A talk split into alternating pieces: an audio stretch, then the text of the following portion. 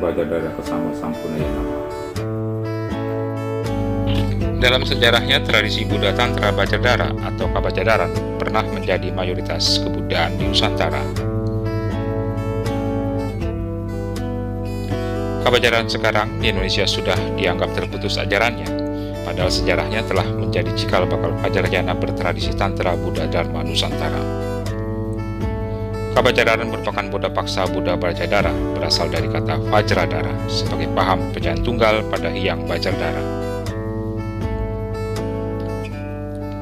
Hyang Bajadara adalah aspek kesadaran realitas kita pada Hyang Bajadatu atau sifat-sifat inti kebudayaan yang serupa sebagai aspek tatwa sadana juga diana kita pada Sang Yang Adi Buddha.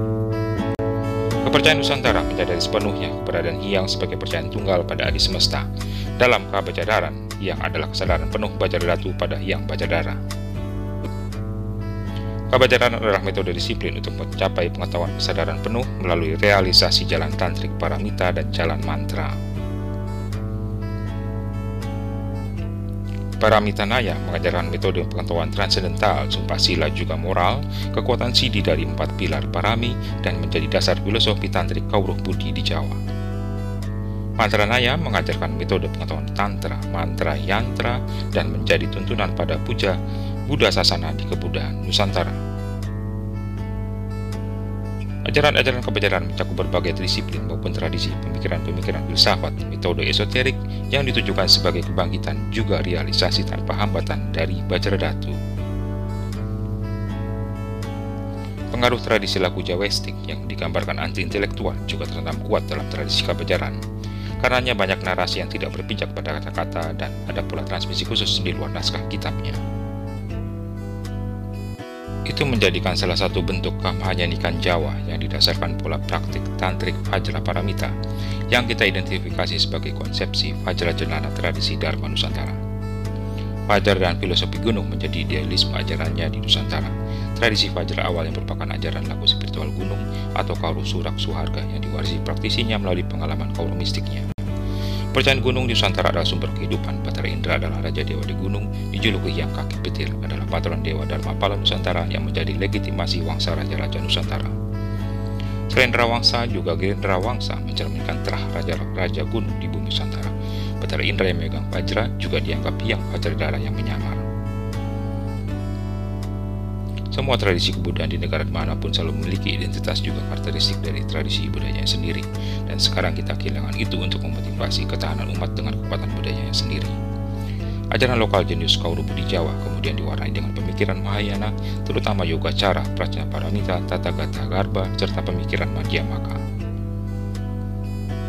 Kemudian, mantra naya menjadi metode disiplin praktik yoga dan jenana, tantra dan yantra yang lebih ketat dan juga praktis. Ini mengeliminasi berbagai tahapan spiritual yang tidak lagi relevan. Praktik puasa juga menjadi elemen penting dalam pelatihan kauruhnya, selain melakukan sumpah moral seperti praktik lima sila Buddhis, meditasi, maupun tapa lainnya. Maka metode paramita dalam kabajaran adalah dominan seni tantrik paramita khas Mahayana Jawa, bukan dari konseptualisasi, melainkan melalui pencerahan langsung atau yang disebut cara aparoksanubhuti. Mantra Naya diajarkan secara tertutup dan rahasia karena ditujukan awalnya sebagai praktik kawikuan atau calon Brahmana Wiku di setiap desa pernikahan Buddha Bajadara. Mantra Naya menjadi praktik studi mantra yang berperan sentral dalam keberhasilan proses tahapan-tahapan juga tingkatan kawikuan dalam pelaksanaan upacara dan pelayanan umat. Penguasaan mantra naya bagi calon kawikuan juga harus diikuti dengan pemahaman wiyakarana juga muka sodana, jiwa sodana, ausaja banga kuluka, nirwana setu, nidra banga caitananya juga mantra bawana. Jadi tradisi mantra naya mengajarkan seluk-beluk rahasia mantra, aksara, maknanya juga tujuannya hingga mencapai kemampuan sidi mantra. Itu sebabnya tradisi ini dinamakan jalan mantra rahasia. Dengan aturan yang rahasia dan ketat dari jalan paramita dan mantra, maka kebajaran diajarkan dari sejak usia dini membentuk karakter budi pekerti generasi mudanya. Kebajaran di Jawa diterapkan melalui pesantren atau pendidikan rakyat dari usia dini hingga generasi mudanya. Ini yang menjadi pilar ketahanan basis umat Buddha di Nusantara kala itu. Pesantren-pesantren kebajaran adalah moda sang rakyat yang lebih diterima daripada sistem monastir sangga yang berafiliasi dengan sang asing yang mulai ditinggalkan pada era itu. Pesantren-pesantren pejaran banyak bertaburan di kaki-kaki gunung yang menerapkan pendidikan interaktif, suasana pedesaan dengan alam terbuka. Demikian tentang Kabajadaran yang tidak saja berfokus pada ajaran Tantra pada umumnya, tetapi menerapkan Tantra pada kesadaran apresiatif atau kesatuan generasi mudanya, membangun budi pekerti dan kemajuan memimpin negerinya. Matur Suksma. Om Suksma Bajadara Sampurnaya Nama. Om Sam.